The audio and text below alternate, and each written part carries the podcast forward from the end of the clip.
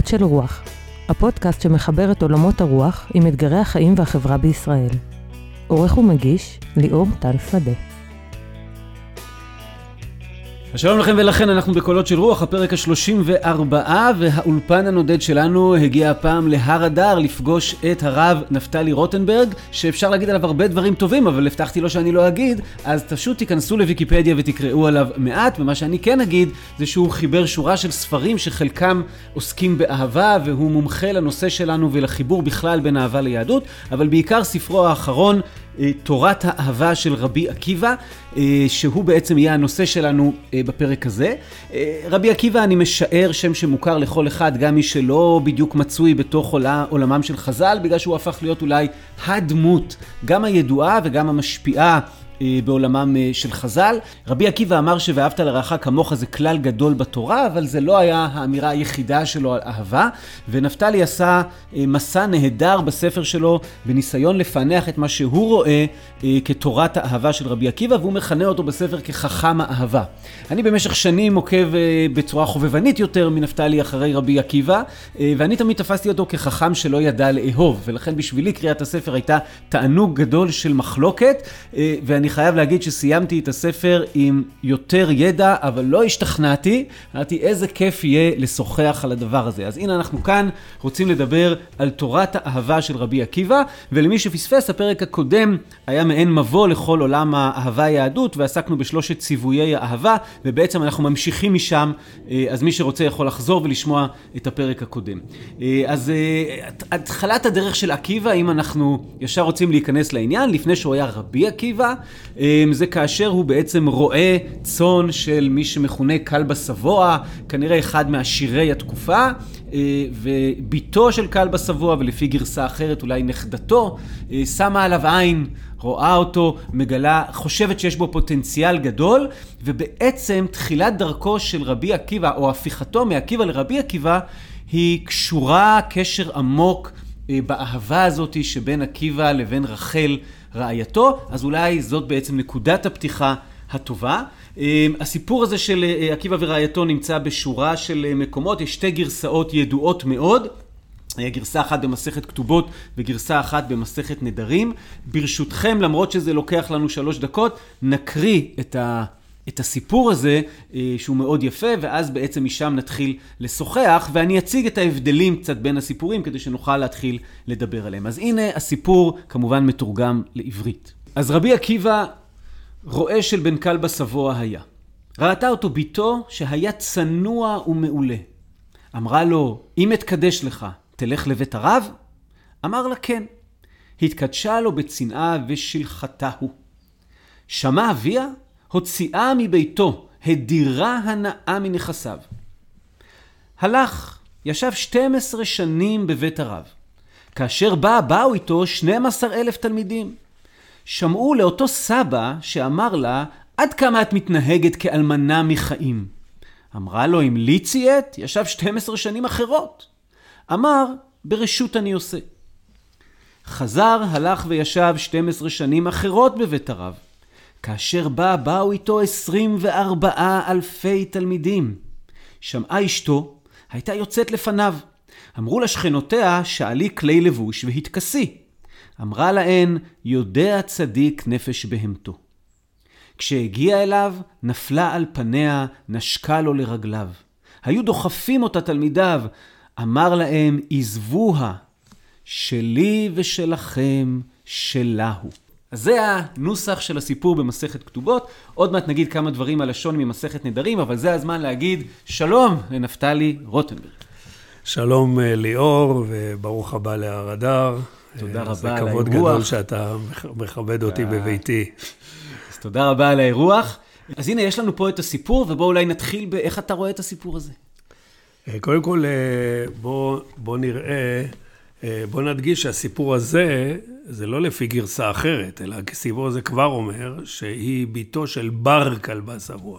אני יודע שזה קשה לנו, כי כולנו אה, מזמזמים בראשנו את השיר, רבי עקיבא איש צנוע, היה רואה בין הרועים את, אתה יכול לשיר איתי, את עדרי כלבה, את עדרי כלבה שבוע. זה לא כן. כלבה שבוע, זה בדו.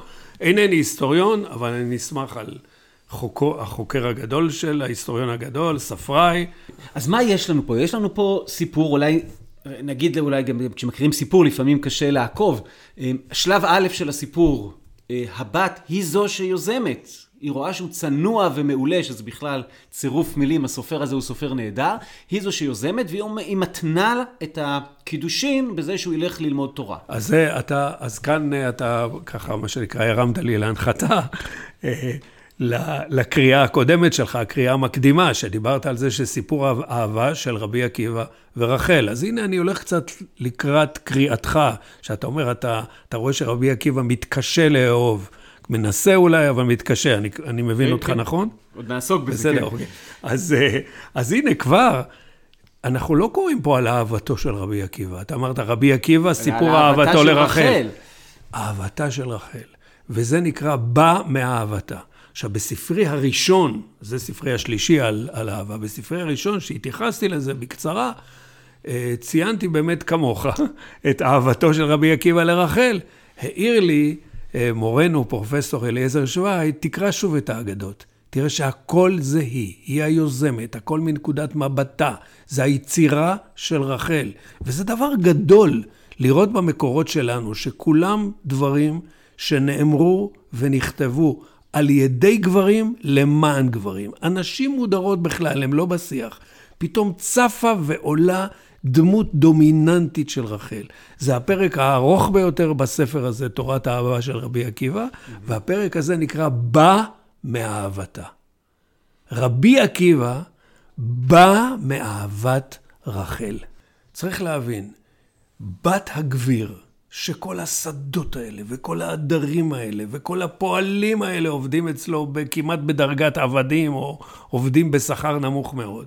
רבי עקיבא אחד מהם, בור שאינו יודע צורת אות. עכשיו, הוא ראה אותה? יש להניח, כשמגיעה הנסיכה, כולם רואים אותה. אבל אם היא לא הייתה רואה אותה, אותו, זה היה חסר משמעות. כמובן. ראתה שהוא צנוע ומעולה, ואז קורה דבר שאין לנו אח ורע במקורות, זה הדבר הנפלא בעיניי. תסתכל על צורת הקידושין. היום, בחופה וקידושין מסורתיים, הגבר אומר לאישה, משפט ארוך, הרי את מקודשת לי בטבעת זו כדת משה וישראל, האישה מקבלת ושותקת, אבל הקבלה זה ההסכמה ונגמר. פה זה הכל היא, היא נתקדשה לו, היא היוזמת. כנראה שהלכתית הוא קידש לה, נתן לה משהו, כתב משהו, אבל זה לא העניין, זה דבר מדהים. כל הסיפור הזה שזה הכל בא ממנה. זה דבר פנטסטי, הראייה הזאת. נפלא. כן? אוקיי. בא מאהבתה. כן. עכשיו, לפי הסיפור הזה שקראנו, הוא מיד נוסע לבית הרב. נגיד שבנוסח השני, היפה, הרומנטי, במסכת נדרים שם, אז קודם כל הם מבלים זמן אה, אה, ביחד, והם שוכבים להם במתבן כי הם נורא עניים, כי הדירו את ההנאה מנכסיה, ושם הוא אה, מלקט לו תבן משערה, ואומר לה, אם הייתי, אם היה לי, הייתי נותן לך ירושלים של זהב, שזה כנראה איזשהו תכשיט. אז אנחנו... אז יש לנו פה שאלה אם זה מיד הוא הולך או לא מיד, הוא הולך, כנראה לא מיד. תראה, אני מציע, אני באמת מציע לנו, כשאנחנו קוראים טקסטים, לא להתחיל לחפש ישר שני סיפורים שונים, שלושה סיפורים שונים. יש הבדלים באגדות, האגדות מופיעות באין סוף גרסאות. כל אגדה. מופיעה בגרסאות, וגרסאות גם משתנות לאורך הדורות. כן. הלוא אנחנו מדברים. אולי, אולי אה, זאת ההזדמנות להגיד, בעצם היא פוגשת בור שאינו יודע צורת אות, אוקיי? עכשיו בואו נשאל את עצמנו, מי זה רבי עקיבא בעצם בשבילנו? עוד לפני שאנחנו ניגשים לשאלת רבי עקיבא והאהבה והסיפור שלו, שהוא הלך ולמד תורה, מי זה רבי עקיבא בשבילנו? במודע, במודע ושלא במודע. כל אחד מבני עמנו, אתה, אני, כל אחד, יש בתוכנו את רבי עקיבא מבחינה תרבותית. אני לא מתעסק, אני, אותי, כשאני קורא את כל עולם המקורות האלה, אני לא מתעסק באיזה בן אדם שלפני 1850 שנה הסתובב ברחוב רבי עקיבא בבני ברק. כלומר, זה לא, אני לא מתעסק ספציפית ב, באישיות הזאת. צריך גם לזכור, אין לנו משפט אחד, משפט אחד, שמספר על רבי עקיבא, או דברי רבי עקיבא, שנכתב בחייו. כן? ועוד עשרות שנים אחריו. אז זה קודם כל הדבר. אנחנו מדברים כאן על דמות שעולה מתוך הקנון היהודי, שנכתב במשך יותר למעלה מאלף שנה, מסוף המאה השנייה, אחרי מותו של רבי עקיבא, עד המאה ה-12, ה-13 ואילך. אבל זה כבר הרבה זמן שאתה ואני ואבותינו ואבות אבותינו, זה בספריות שלנו, והדמות הזאת עולה מתוכה. כלומר, אני מתייחס לכל המכלול הזה, ולכן גם השאלה, אם יש לנו סיפור מספר אחד, סיפור מספרים לא, פחות חשובה... לא, אני לוקח את הסיפור כי אני חושב שהיה סופר שניסה להגיד משהו לא, לא באופן לא, שבו לא, הוא לא, סיפר. אז, אז, אז, אז, אז כדי להגיד דבר כזה, אנחנו צריכים להידרש לעבודה נפלאה שעושים חוקרי השכבות, שמשווים את המקורות, ואני לא רוצה להיכנס לזה, לא, לא להעלות לא, לא אותך ולא אותי, כן, כן. אבל, אבל, אבל המקורות לא, נבדקו. אני רק אגיד, אני לא מנסה להגיד משהו היסטורי. אין לנו כאן שני סיפורים למעשה. יש לנו כמה, יש, אנחנו, אנחנו נדרשים כ, כקורא אגדה, אני לפחות רואה את עצמי כמי שמתעסק בתרבות היהודית, זה מה שמעניין אותי, כמובן, התופעה כמובן. התרבותית, לא ההיסטורית, וגם לא הפילולוגית, וגם לא השאלה אם זה סיפור שונה או לא סיפור שונה. אלה, יש אנשים שזה, המתודות שלהם מתפרנסים, קבוצות מאוד קטנות, אנחנו חיים בתוך עמנו, ואנחנו לומדים, אתה ואני הרי חיים בבתי מדרש, וגם הבתי מדרש האלה משוחחים, כמו עכשיו, אז אנחנו חיים בתוך בתי המדרש השונים, ואנחנו לומדים את המקורות האלה, זה, זה, זה שיא הכיף. אז זה רציתי להגיד, הערה מתודולוגית, וזה גם ההזדמנות להגיד, רבי, למה רבי עקיבא נמצא בכל תא מתאי גופך ותא מתאי גופי תרבותית, התאים התרבותיים שלנו? בגלל שהוא עמוד האמצעי של התרבות היהודית לאורך יותר מאלף שנה בקנוני, ומאז ועד היום, כן? הוא עמוד האמצעי. קח את רבי עקיבא, הכל מתמוטט. 1,500 אזכורים רק בתלמוד הבבלי. אני כבר לא מדבר על יצירות שהן כולם רבי עקיבא מוקדשות, כן? היכלות, ספרות ההיכלות, היכלות זוטרתי, התייחסות לרבי עקיבא, תלמידי רבי עקיבא, שיטת רבי עקיבא, כל הדברים האלה, זה האיש. ופתאום האיש הזה שעסק בעוד המון נושאים אחרים, אם יש נושאים אחרים, אני חושב שיהדות זה רק על אהבה, אבל אם יש נושאים אחרים, כן, אז עסק אולי בהמון נושאים אחרים, הלכתיים, מחשבתיים, אחרים, אה, עולם מלא סתירות פנימיות. צריך לזכור, רבי עקיבא הוא לא קוהרנטי בכל מקום, כמו שאף אדם, אני לא קוהרנטי, אני לא יודע עליך, אבל אני לא קוהרנטי. אני מדבר יותר מדי, talk to me. לא, זה בסדר, זה בסדר. עכשיו, בוא נחזיר את עצמנו רגע לסיפור. אה, אוקיי. אוקיי. אז אנחנו עזבנו את הסיפור בזה שהוא נוסע ל-12 שנה אתה בחור ישיבה אמיתי, איש של בית מדרש, בוא נדבר על הטקסט, תפסיק... אני חוזר לטקסט כדי לצאת ממנו כל הזמן. אז אנחנו חוזרים רגע לסיפור, הוא נוסע לו ל-12 שנה, אמ, ואחרי זה כשהוא חוזר חזרה... לפי גרסה אחת סבא, לפי גרסה אחרת רשע, זה כנראה ניסו ל... אבל הם, אה, אומר לה, תגידי, מה, את אלמנה מחיים? איך את חיה? מה? והיא אומרת לו, אם הוא היה מציית לי, הוא היה נוסע לעוד 12 שנה, ומעניין שלא כתוב שהוא נכנס להגיד לה שלום, ואז נוסע לעוד 12 שנה, למרות שאני מקווה אה, ש... שזה הרעיון שמאחורי. בסוף רבי עקיבא בעצם לא נמצא בביתו ובאהבה הזוגית שלו בפועל במשך 24 שנים ברציפות.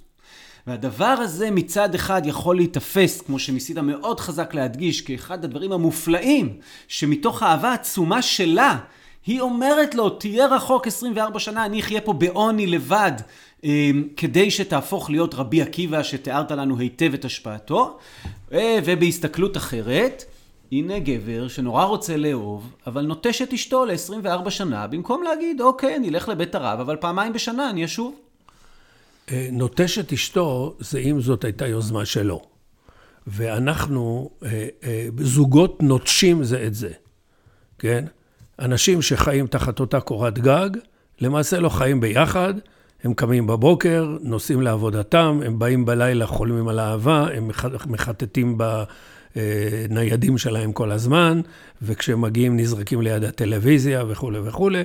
אז זו אמירה אה, שאומנם עסקתי בה, כי היא הטרידה קודם כל את חז"ל. עסקתי גם במה שמטריד את חז"ל, הלוא קודם כל היא הטרידה את חז"ל והיא מטרידה את כולנו, אבל היא לא צריכה להטריד. הפרויקט שלה היה לשלוח אותו מאזור טבריה, או מגדל, אני לא יודע, שם חיו שם באיזה, זהו, לבני ברק, מרחק עצום, כאילו overseas, לעשות את הפוסט-דוקטורט לבד, כשהיא ממשיכה בקריירה שלה או בגידול הילדים בישראל.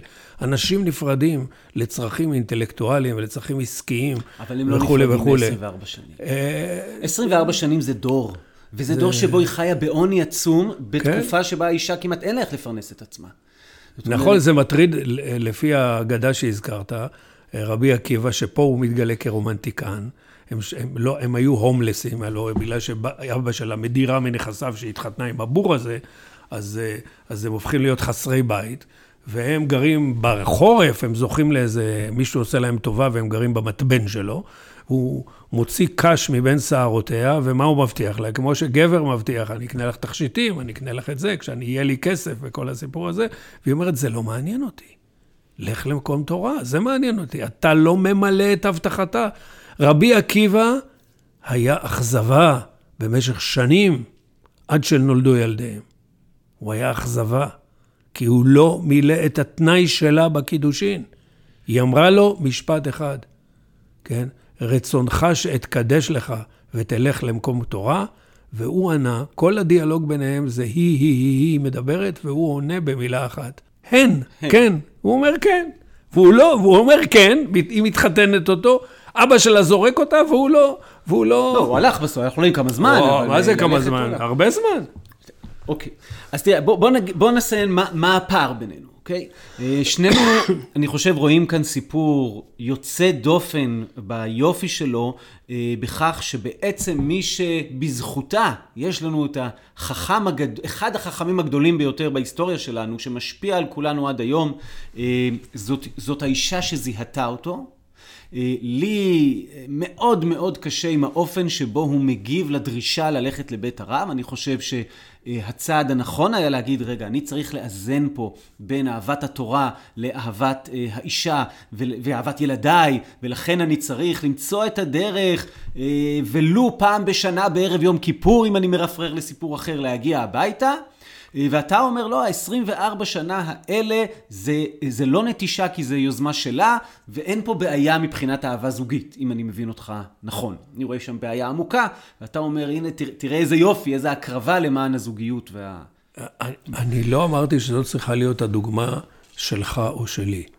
זה ודאי לא, כן. אני לא אמרתי, אני אומר שכשאנחנו קוראים סיפור אגדה, וזה לא משנה אם אנחנו, כמובן זה משנה, אבל אני אומר, זה, אם זה באגדות שלנו, בקנון שלנו, או בקנון היווני, או בקנון המנדריני, זה לא משנה. אנחנו קוראים את האגדה, אז אנחנו לא אה, ישר מלבישים את היחסים האישיים של, של אשתי ושלי לתוך האגדה. כן. דרך אגב, אתה יודע, הרבה קולגות מקנאים בי שהעיסוק העיקרי שלי זה בחוכמת האהבה. אז אני אומר להם, אל תקנאו בי. כל פעם שאני אומר משהו רומנטי לאשתי, היא שואלת אותי, מאיזה עמוד בספר אתה מדבר אליי?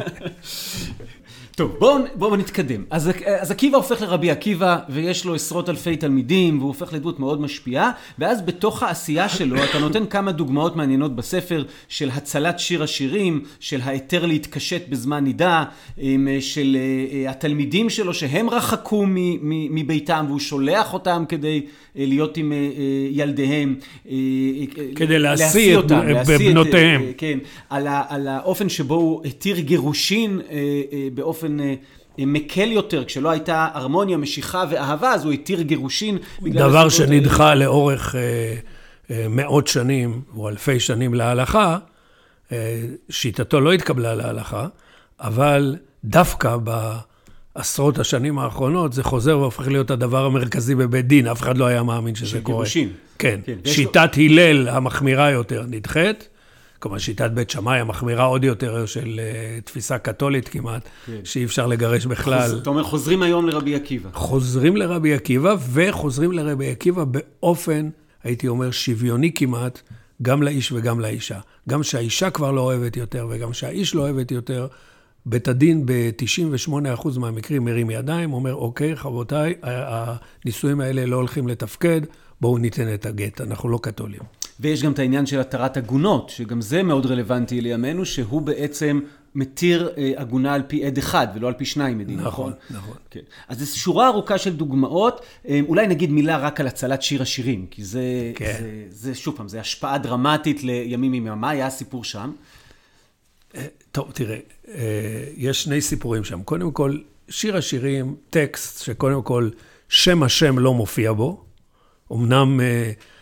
מדרשי חז"ל אחרים, אומרים כל שלמה שבשיר השירים זה לא שלמה המלך, אלא זה מלך שהשלום שלו, כלומר, הקדוש ברוך הוא.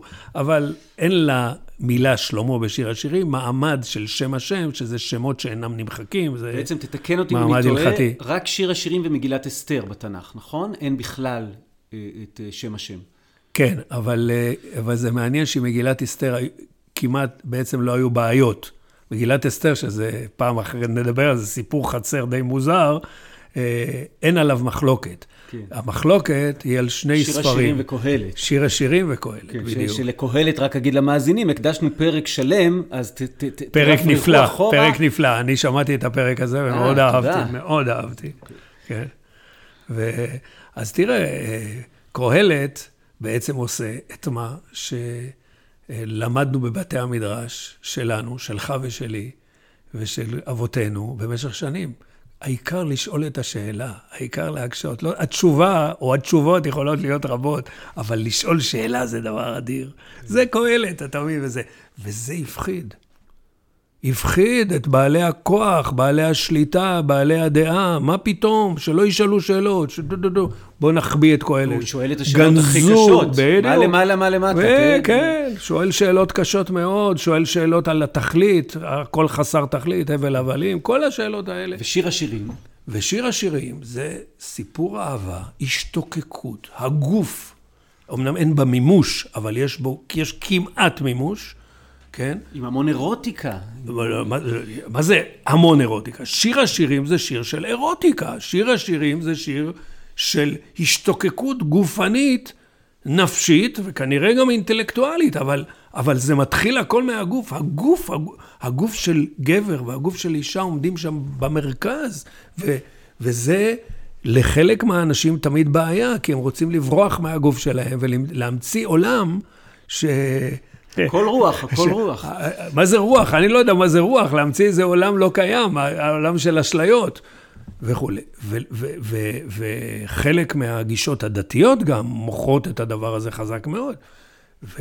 ולכן יש אה, התמודדות גדולה מאוד על שיר השירים. כלומר, צריך להבין, רוב בני אדם, ובטח רוב בני האדם הדתיים לכל הדורות, הגישה שלהם היא גישה דיכוטומית, מחלקת. יש גוף, זה נמוך, יש סקס, זה מתחת לחגורה, ויש רוח, ויש דברים עליונים וכולי וכולי. הגישה הדיכוטומית הזאת מקיימת שתי צורות חיים, שהן אחיות. שמרנות קיצונית, כיסוי על כיסוי על כיסוי, פוריטניות, מה שנקרא בלעז, ומתירנות, ומתירנות. וזה שתי גישות אחיות שכל אחת מחזקת את השנייה, כן? כל אחת נותנת טעם לשנייה, מים גנובים ימתקו, וכולי וכולי. אז זה דבר אחד. מצד שני, מצד שני, התפיסה, תפיסת האהבה של חז"ל ותפיסת האהבה של רבי עקיבא, זאת הרמוניה בין שכל, נפש וגוף. הגוף חייב להיות שם, ולכן הם דוחים גם את הפוריטניות, גם את השמרנות ואת העודף כיסוי וכולי וכולי, שאנחנו זה גם אקטואלי להיום, אתה יודע, לצערי הרב, ותמיד זה אקטואלי, וגם את הזו. אבל האנשים האלה, זה לא שהיום הומצאו, תמיד היו אנשים, ותמיד היו, זה אפילו לא שאלה של רבנים, זה שאלה... זאת אומרת, שיר השירים רצו לדחות, אלה שרצו את ההבחנה הבינארית, הטוטאלית בין גוף לנפש, ורבי עקיבא מבין שזה צריך להיות מחובר ש... כן, רבי עקיבא וחכמים בכלל. אגב, אנחנו מייחסים לו את ההצלה, בגלל שהמשפט הזה, כל השירים... קודש, שיר השירים קודש קודשים, ועוד הרבה אמירות על שיר השירים, זה אמירות של רבי עקיבא. אבל למעשה זאת הסנהדרין, אה, בראשותו של רבי אלעזר בן עזריה, שהיא זאת שמכריעה במחלוקת. רבי עקיבא טוען שאפילו לא הייתה מחלוקת, הוא רוצה, באמירה הזאת הוא רוצה לטשטש את המחלוקת. הסנהדרין שהוא יושב בה. הסטנדרטי שהוא כנראה יושב בה, אי אפשר לדעת אם הוא היה אפילו נוכח, אבל נניח שהוא היה לצורך הסיפור, אחרת נקלקל אותו. אבל בסופו של דבר, זה נשיא הסנהדרין הזה, רבי אלעזר בן עזריה, שהיה צעיר, ומונה כהסכם פשרה אחרי הדחתו של רבן גמליאל, הוא זה שמציל. אבל זה, עזוב, לא אוקיי, נהיה היסטוריונים. נכון, כן. רבי. עקיבא הציל לנו את השיר השיר עם פרשנותו. שם אתה אומר דבר מעניין. אתה, אם אני מבין אותך נכון, אתה אומר, חלק מהעניין שרבי עקיבא כל כך אהב את שיר השירים, זאת ההבנה שכל אהבה, אהבת הרע, אהבת אלוהים, אהבת התורה, כל אהבה ראשיתה באהבה הזוגית, ולכן חייבים, זה קודש קודשים, צריך משהו שמתאר שכל הדימויים שבו, כל המטאפורות שבו, הכל אהבה זוגית. אם אני אגיד משפט קיצוני, דיברנו קודם על מתירנות לעומת השמרנות או הפוריטניות, כן? אז בואו נגיד, רבי עקיבא דוחה גם את הפוריטניות וגם את המתירנות, אבל הוא אומר, מה אתם חושבים שאתם... תכניסו את האהבה לבית זונות? את האהבה שימו בקודש הקודשים. ועכשיו אני אגיד לך יותר מזה. יש שני קודש קודשים בלעם ישראל. יש את קודש הקדושים הציבורי, זה המקום שאליו לא נכנסים. אין כניסה. הקודש, הדבר הכי קדוש, קודש הקודשים, לא נכנסים לשם. יש את קודש, וזה קודש קודשים שחרב בתקופת רבי עקיבא אין בית מקדש. כן, שנגיד למי שלא מכיר, שרק הכהן הגדול ורק ביום הכיפורים נכנס עם ה... לזמן מאוד קצרצר. עם חבל קשור לרגלו, כן, למקרה שיצטרכו להוציא אותו. כן, כן, אין, אין. זה היה סוגריים. בקיצור, הקודש הוא המקום שאליו לא נכנסים, הקודש הציבורי, המקום שאליו זהו. בית המקדש נבנה כדי לפנות את החיים מהפולחן ולאפשר את האינטימיות, וזה המקדש השני. המקדש השני, בניין, ואנחנו אומרים בשבע ברכות, כן, והתקין לו ממנו, מתוך האדם, האדם שזה איש ואישה ביחד, זה רק אדם, אין אדם, אדם זה לא אדם, וזה לא מן, זה איש ואישה ביחד. זכר ונקבה ברא אותם. נכון, ויקרא שמם אדם ביום יברא. אז, אז, אז הקדוש ברוך הוא, כן, אה, בונה את המקדש והתקין לו ממנו בניין הדעת. זה הבניין הנצחי, שגם אם בית המקדש חרב או נבנה, בעזרת השם, ביד גואל צדק במהרה בימינו, גם אם הוא נבנה, כן, או חרב, זה לא תלוי. המקדש האינטימי בין איש לאישה, ואגב, שם תיקון עולם. תיקון העולם מתחיל בקשר האהבה, בענף, השכלי, הנפשי וביחסי המין בין איש ואישה, באינטימיות שלהם. זה המקדש, ורבי עקיבא אומר, אל תזלזלו בזה, זה לא מתחת לחגורה, זה קדוש, לא סתם קדוש, זה קודש קודשים. ולכן גם כל הדוגמאות האחרות שנתנו, זאת אומרת, אם מתירים להתקשט בזמן נידה, אם אה, אה, מתירים על גירושים כשאין משיכה ואהבה, אם כל הדוגמאות שנתנו כאן בעצם מתחברות לתוך הדבר הזה. אוקיי, משפט יש... אחד רק, אה, זה לא מתירים להתקשט בזמן הנידה, פה יש לנו דבר שהוא מבחינה אה, היסטורית והלכתית, דבר שאין לו תקדים. ואם זה לא היה רבי עקיבא, זה לא היה מתקבל להלכה, וכמו שהראיתי לך שם גם בספר, החכמים התנגדו לזה וניסו לטשטש, אבל לא הצליחו. מה העניין? חכמים, הזקנים הראשונים שחיו בתקופת הבית, אוסרים על האישה להתאפר. במילים אחרות, מחייבים את האישה לנבל את עצמה במשך 12 היום של הנידה. שהיא חס וחלילה לא תמשוך אותו. כדי שהיא לא תמשוך את הגבר. כלומר, שמים על האישה את האחריות שהגברים... הולכים לעבור איסור כרת. על, על האישה שמים את האחריות. עד היום, עד היום. כן, אני, אני חושב שזה נורא.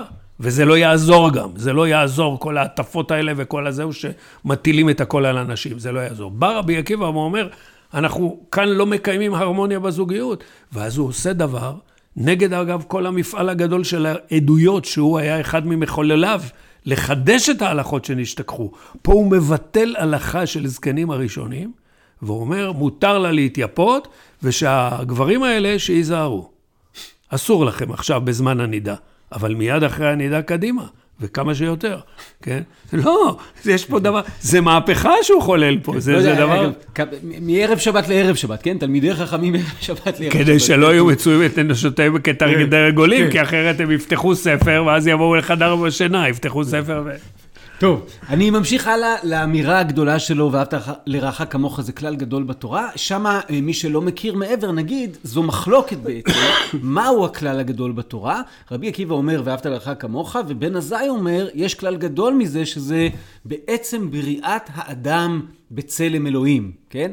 אה, זה ספר תולדות האדם. לא, ביום... לא, לא, לא, לא. כן, אתה צודק, סליחה, אבל אני אומר, אבל, אבל הוא לא צלם אלוהים, אלא דווקא בן עזאי מצטט מהפסוקים. אה, אולי, אולי נצטט את המקור. המקור אומר, אה, זה ספר תולדות אדם, זה פרק ה' בבראשית, אה, ואהבת לרעך כמוך, רבי עקיבא אומר, ואהבת לרעך כמוך זה כלל גדול בתורה, כן? בן עזאי אומר, זה ספר תולדות אדם, זה כלל גדול ממנו. אכן. זה הגרסה הנכונה של ספרה. במסכת ברכות יש ערבוב כן, הפוך, כן, אבל... כן, לא משנה, זאת הגרסה העתיקה יותר והנכונה יותר וכו'.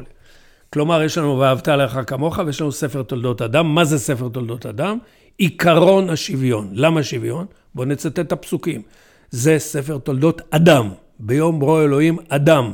זכר ונקבה בעם, בדמות אלוהים, סליחה, זה אמר, בדמות אלוהים עשה אותו, לא צלם, דמות אלוהים, ויש סיבה למה הוא בחר את זה. בדמות אלוהים עשה אותו זכר ונקבה בראם, ויקרא שמם אדם ביום יברם. אז העיקרון, מה הוא אומר במילים אחרות? עיקרון השוויון זה הכלל הגדול בתורה שממנו נובעות המון מצוות או רוב המצוות, זה האימפרטיב הקטגורי של תורת ישראל, זה עיקרון השוויון. זה, וזה גדול יותר מ"ואהבת לרעך כמוך". בואו ננסה, קודם כל אני חושב להגיד עיקרון השוויון זו פרשנות, פרשנות טובה וחזקה לדבר. יש שיגידו, ודאי שיש שם שוויון, אבל יש שם משהו מעבר לשוויון. זה, הנה הוא אומר לנו, הכלל הגדול בתורה הוא שעליי להתייחס לכל אדם כמי שהוא אה, אה, בדמות אלוהים. מה זה להתייחס? לפתוח לו דלת שהוא ייכנס לפניי? גם, שהאופן שבו אה, אה, צריכים להיות מכוננים יחסים בין אדם לחברו, זה מתוך כל הזמן המחשבה. אבל עזוב, זה סיסמאות, בוא, בוא ת, ת, כן, כן, תעשה קונקרטיזציה. מי, מעשה, מה, מי, למה, מי, למה, אנחנו מי, עוסקים כאן בהלכה, כן, בכלל כן. גדול בתורה. מהרמה הפוליטית של זכויות אדם, זאת אומרת, תבנה חברה שהחוקים שלהם כאלה שמכבדים את זכויות האדם, ועד לרמה היומיומית, שאתה אמרת, אה, לפתוח לו את הדלת זה בהחלט מקובל. אוקיי, אני מסכים עם כל מה שאמרת. וצריך לעשות את זה אל מי? לכל אדם, נכון? לכל אדם. לכל אדם. עכשיו, מה ההבדל כן. בין זה לבין להתייחס באהבה לרעך כמוך? רגע, תכף נדבר על ההבדל, אבל קודם כל ננסה להבין בין הזין. לכל אדם. למה? כי אלוהים ברא אותו, כי הוא בדמות אלוהים, נכון? זה הסיפור. אם זה, מה זה אומר? זה עיקרון השוויון. אני לא, אני איתך שיש שם שוויון. אתה לא יש שם שוויון. יש, אני אומר ככה, זה יותר משוויון. מעיקרו, אם אלוהים ברא את כולם, בוא נגיד את זה בשפה פשוטה כדי שאני אבין. יש גם שוויון בין אה, שתי נמלים. מה אתה מדבר, שוויון אה, מתמטי כאילו? לא, אבל זה בדיוק העניין, שכשזה בדמות אלוהים, הוא רוצה להגיד, זה לא סתם שוויון, זה שוויון עם ערך עצום לכל אחד. ודאי, אוקיי, אם אלוהים ברא אותנו, בוא נגיד בשפה פשוטה כדי שאני אבין, אם אלוהים ברא אותנו, את כולנו, כן? את כל האנשים שנראים שונים מאיתנו, שיש להם, אה, לא חשוב מה הם מאמינים, מה הם אוכלים, מה הם זה, איך הם נראים, את כל בני האדם. אם אלוהים ברא את כולם, אז כולם שווים, זה מה שאומר בן עזאי. זה העיקרון. עכשיו, מזה לא, נובעים, נובעים העניינים הפרקטיים שציינת. הוא אומר מעבר לזה, כי אלוהים ברא גם את החגבים.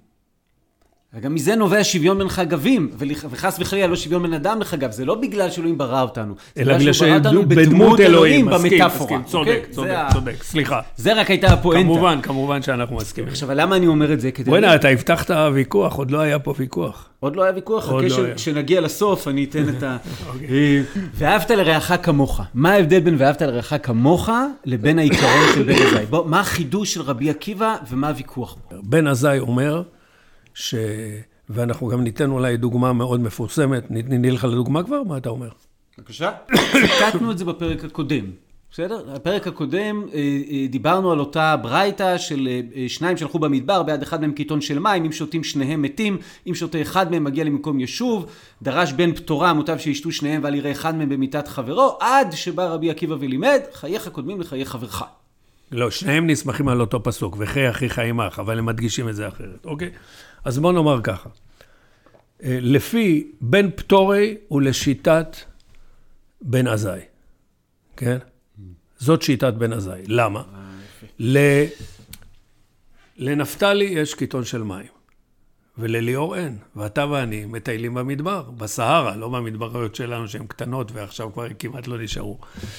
מטיילים ולא רואים את הסוף, אבל אם אני אשמור, אני, עכשיו יש כאן עקרון הבעלות. אני מחזיק בבעלות על המים. אתה לא, הם לא שלך. כן. אומר בן עזאי, עקרון השוויון, זה ששנינו נבראנו בדמות אלוהים, אני מדגיש את הפרשנות שהדגשת ואתה צודק, עקרון השוויון דוחה את עקרון הבעלות. בן פטורה. בן פטורה לת... לשיטת בן עזאי. לטעמי, לא לשיטת בן עזאי, בן עזאי היה אומר לו, לא הבנת שום דבר. כי אם שנינו בדמות אלוהים, אי אפשר ששנינו נמות, חייבים להציל אחד. לטעמי, ולכן אני לא מקבל שהוא לשיטת בן עזאי. לא שנינו נמות, שנינו נחיה עוד עשר דקות, או עוד, שנינו נחיה עוד שעתיים, נאמר, ואז, ש... ואז שנינו נמות ולא נגיע למקום מישהו, אבל עוד שעתיים נחיה. אוקיי. לא, לא, זה, זה לא, זה לא... אז האם זה לשיטת בן עזאי או לא? גם מבחינה משפטית, אני נותן את זה לשיטת בן עזאי. אבל אוקיי. רבי עקיבא אומר פה דבר... זה המשמעות. ורבי עקיבא אומר, וחי אחיך עמך. חייך קודמים לחיי חברך, גם אם זה האדם הכי קרוב אליך, גם אם זה הילד שלך. אתה נמצא במטוס, קודם כל, שים את המסכה על הפה שלך, ואחר כך תשים את המסכה על הילד שלידך, ולא להפך, כי אחרת יכול להיות ששניכם תיפלו וכולי. אז לפחות, זהו. חייך קודמים לחיי חברך. עכשיו בואו נחזור ל"ואהבת לרעך כמוך לשעתך". לבן עזאי, אין לך דבר שאין לו מקום, אין לך אדם שאין לו שעה. אין לך אדם שאין לו שעה. זה לא, אתה לא יכול להסתכל צדיקים, רשעים, גויים, יהודים.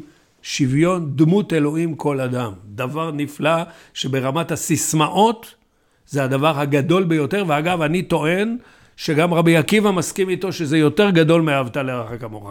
אבל רבי עקיבא הוא אדם פרקטי, הוא לא, הוא לא רק הוגה דעות, לאורך כל הדרך דיברנו, אנחנו כל הזמן, הוא, הוא, הוא, הוא, יש לו דעה ויש הלכה, אבל הכל אצלו מתחיל מהמעשה ומגיע לדעה, ולא ההפך, מתחיל בדעה ומגיע למעשה.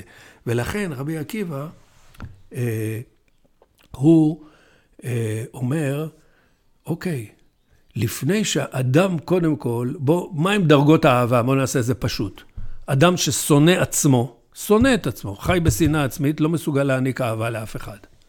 אדם צריך לאהוב את עצמו במידה, לא להיות אגואיסט, אבל לאהוב את עצמו במידה כדי לאהוב מישהו. כן. אז זה להעניק אהבה. פרום מסביר לנו, אגב, בפרק הראשון, הראשון של הפודקאסט עסקנו בזה, שאין, אגואיזם הוא ההפך מאהבה עצמית. באגואיזם אני מפצה את עצמי על היעדר האהבה העצמית שלי. אה, יפה, אבל יפה. באהבה עצמית, שאני יודע להתייחס לעצמי בדאגה, אחריות, יחס כבוד, שאני יודע לאהוב את עצמי, זה מיד יוצא החוצה ואני גם אוהב את הזולת. נפלא, נפלא. זה ממש יפה. כן, כן, אני נזכר בזה ואני מתלהב.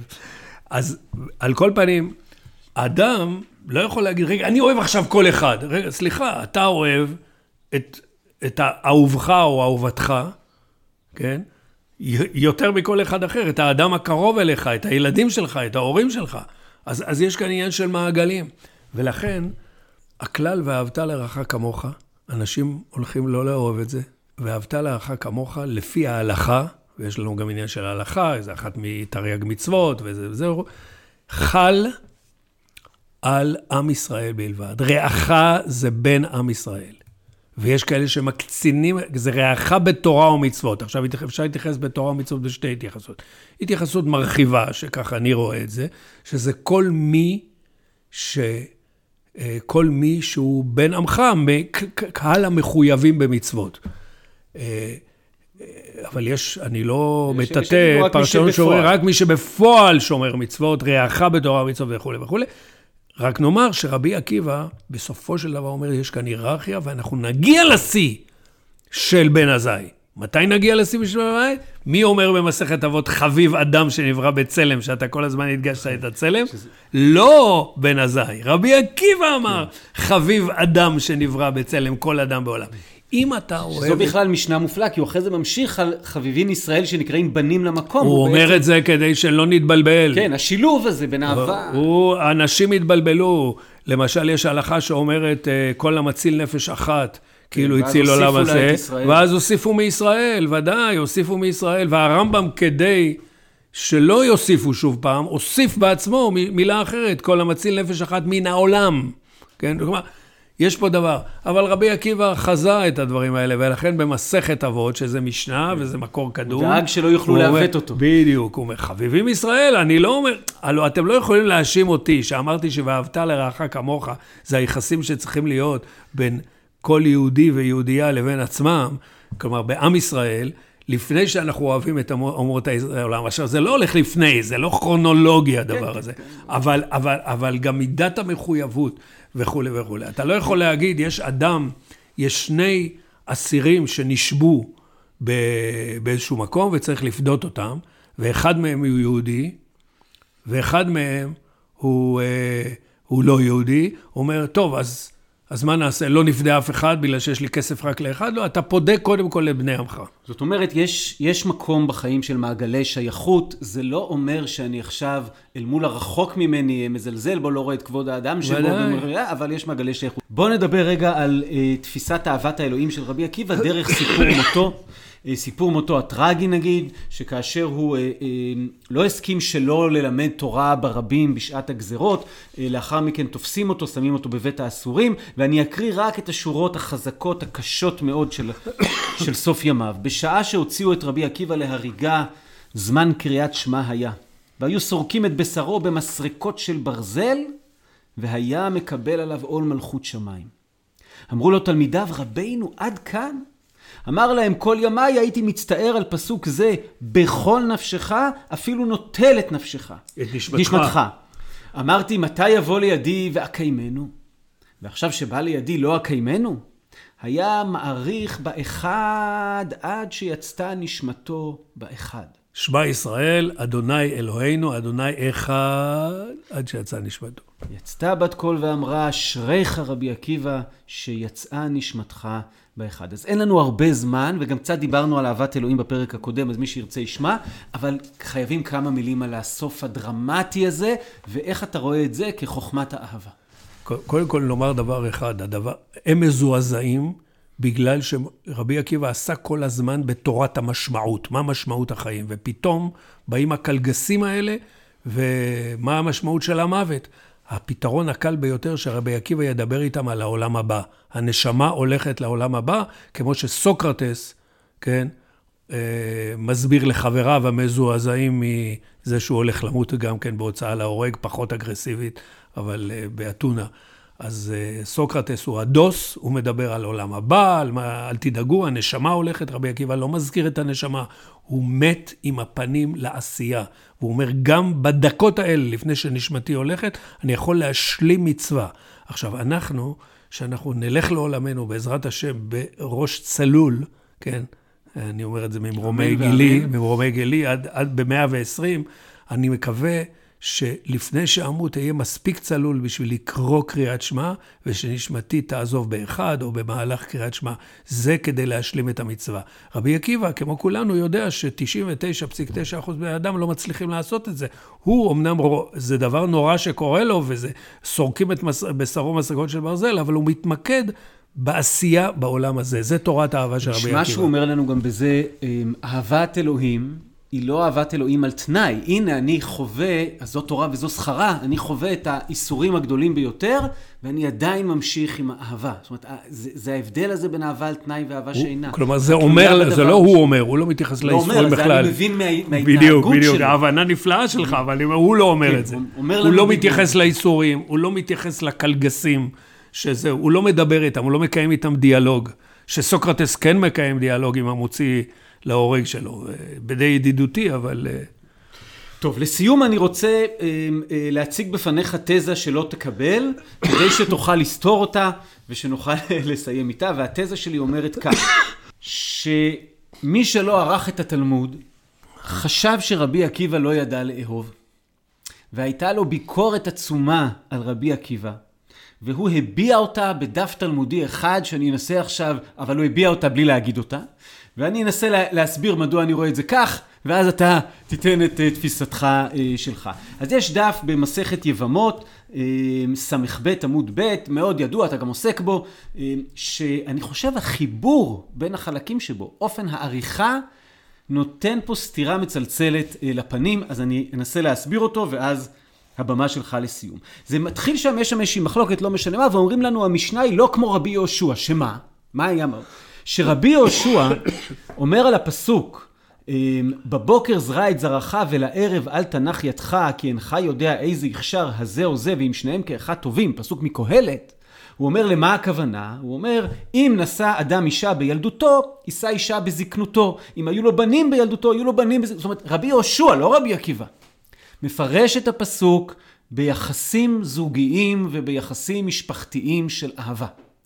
רבי עקיבא בא מולו ואומר, מה פתאום, זה בכלל לא אהבה. מדובר פה על לימוד תורה. הפסוק הזה אומר, למד תורה בילדותו, ילמד תורה בזקנותו. היו לו תלמידים בילדותו, היו לו תלמידים בזקנותו. זאת אומרת, יש פה שתי תזות גדולות. תזה אחת שאומרת, המשפחה יותר חשובה, האהבה יותר חשובה. תזה אחת שאומרת, עזוב, התורה יותר חשובה. והנה שתי התזות האלה עכשיו, פתאום מכניסים לנו, לכאורה בלי קשר, ש-12 אלף זוגים תלמידים היו לו לרבי עקיבא, וכולם מתו בפרק אחד. למה? כי הם לא נהגו כבוד זה בזה, או במילים אחרות, הם לא ידעו לאהוב. כי רבי עקיבא לא ידע ללמד אותם לאהוב. וכשהמודל שלך זה הרב שלי עזב את אשתו ל-24 שנים, אז מה שקורה פה זה ש-24 אלף תלמידים מתו. אחד כנגד כל שנה של נטישה. עכשיו, אם אומרים, רגע, אבל ליאור, אתה פה מכניס פה עודף פרשנות, אז מה כתוב מיד אחרי זה? לכאורה בלי קשר. מה שכתוב מיד אחרי זה זה שני דברים. אחד, הלכה כרבי יהושע. שתיים, כל אדם שאין לו אישה שרוי בלא שמחה, בלא ברכה, בלא טובה. כל אדם שאין לו אישה שרוי בלא תורה וכן הלאה. יש פה עכשיו שורה ארוכה של דימויים יפהפיים שאתה מתייחס אליהם. ובשיא הדימויים האלה, אומרים ממש מפורשות, אמר רבי יהושע בן לוי, כל היודע באשתו שהיא יראת שמיים ואינו פוקדה, זאת אומרת, לא מקיים את היחסי מין, נקרא חוטא, בדיוק כפי שעשה רבי עקיבא, ואמר רבי יהושע בן לוי, חייב אדם לפקוד את אשתו בשעה שהוא יוצא אל הדרך. מה רצתה הגמרא להגיד? חברים, רבי עקיבא טועה. הוא טועה באופן שבו הוא התייחס לאשתו. תלמידיו שילמו על זה מחיר כבד מאוד כי הם לא ידעו לאהוב. הוא לא ידע ללמד אותם אהבה, ולכן אנחנו מסיימים את זה ואנחנו אומרים שתדעו, הלכה כרבי יהושע, משפחה יותר חשובה מתורה.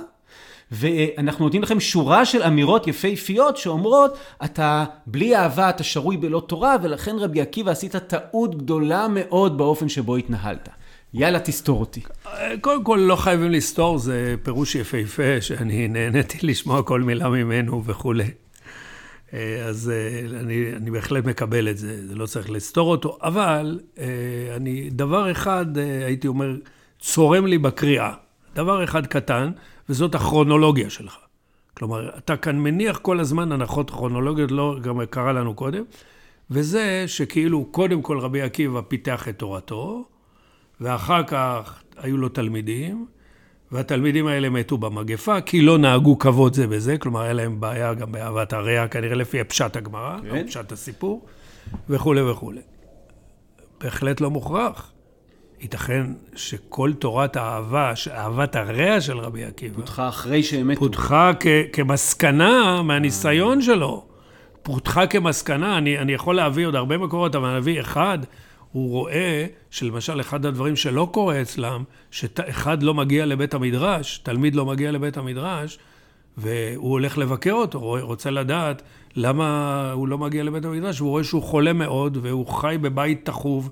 אז קודם כל רבי עקיבא לא מדבר הרבה, הוא מטפל בתלמיד, מכין לו מרק שורשים טוב, ממשקה אותו, מנקה את הבית, מטאטא את הבית, פותח את החלונות, והתלמיד הציל את חייו, הוא פשוט הציל את חייו. ואחר כך הוא אומר, כן, הוא, הוא, הוא, הוא, אחר כך הוא אומר להם את ההלכה, כל מי שאינו מבקר חולה, הרי זה כשופך דמים, ואיך אתם עושים דבר כזה, וכולי וכולי. להפך, כל ההתנהגות הזאת של אדם שמגיע, הלוא שוב פעם, אנחנו רואים את רבי עקיבא בשיחה הזאת בפרספקטיבה מסוימת של תפיסת האהבה שלו, וזה גם לא מסוימת, כי זו הצטברות של מאות מקורות, לא עשרות, מאות מקורות שונים מתקופות שונות. זה נכון? זה השיחה שלנו. אבל, אבל לא. כן, רבי עקיבא, אני אומר, אפשר, גם, עכשיו, הפירוש שלך הוא פירוש אפשרי, והפירוש שלי הוא פירוש אפשרי, ושניהם פירושים טובים מאוד. אני אגיד לך מה מתחדש לי פה. ונפלאים. מתחדש לי דבר שבשבילי הוא נפלא. אני אומר ככה, אפשר להגיד, אני שאלתי האם רבי עקיבא הוא חכם האהבה, כפי שאתה מגדיר בספרך, או שהוא חכם שלא ידע לאהוב לצערו, למרות שהוא מאוד ניסה, כמו שאני תמיד חשבתי. ובעצם אני מבין שאתה אומר ככה, לא, רבי עקיבא יכול להיות שהתחיל כמי שלא יודע לאהוב אבל מאוד רוצה. והוא חוזר בתשובה של אהבה. הוא מתישהו בחייו התחיל להבין איך אוהבים, וזה אחרי שהוא למד לקח ממות תלמידיו, ואחרי שאולי הוא גם למד לקח מזה שהוא לא היה עם אשתו הרבה שנים, ואז בחלק האחרון של חייו, ב-80 עד 120, הוא הופך לחכם האהבה הגדול. שזה תזה נפלאה שאני מתחדשת לי כאן, שאפשר לאחוז בה. נפתלי, הרבה תודה. אה, לי לפחות היה מרתק, ואני מקווה שלמאזינות ולמאזינים גם, ושגם אתה נהנית קצת. יופי. אז תודה רבה, ותודה לכם שאתם מאזינות ושאתם מאזינים, ומי שרוצה להפיץ ולהעביר הלאה את הפרקים על מנת שעוד אנשים ייהנו, מוזמן לעשות זאת, אה, ואנחנו נתראה בפרק הבא, שבו אה, נעשה מהפכה ונדבר על שנאה, ונעסוק בפסוק, אוהבי השם שנאו רע, ואני מכין את כולם, זה לא יהיה קל. להתראות.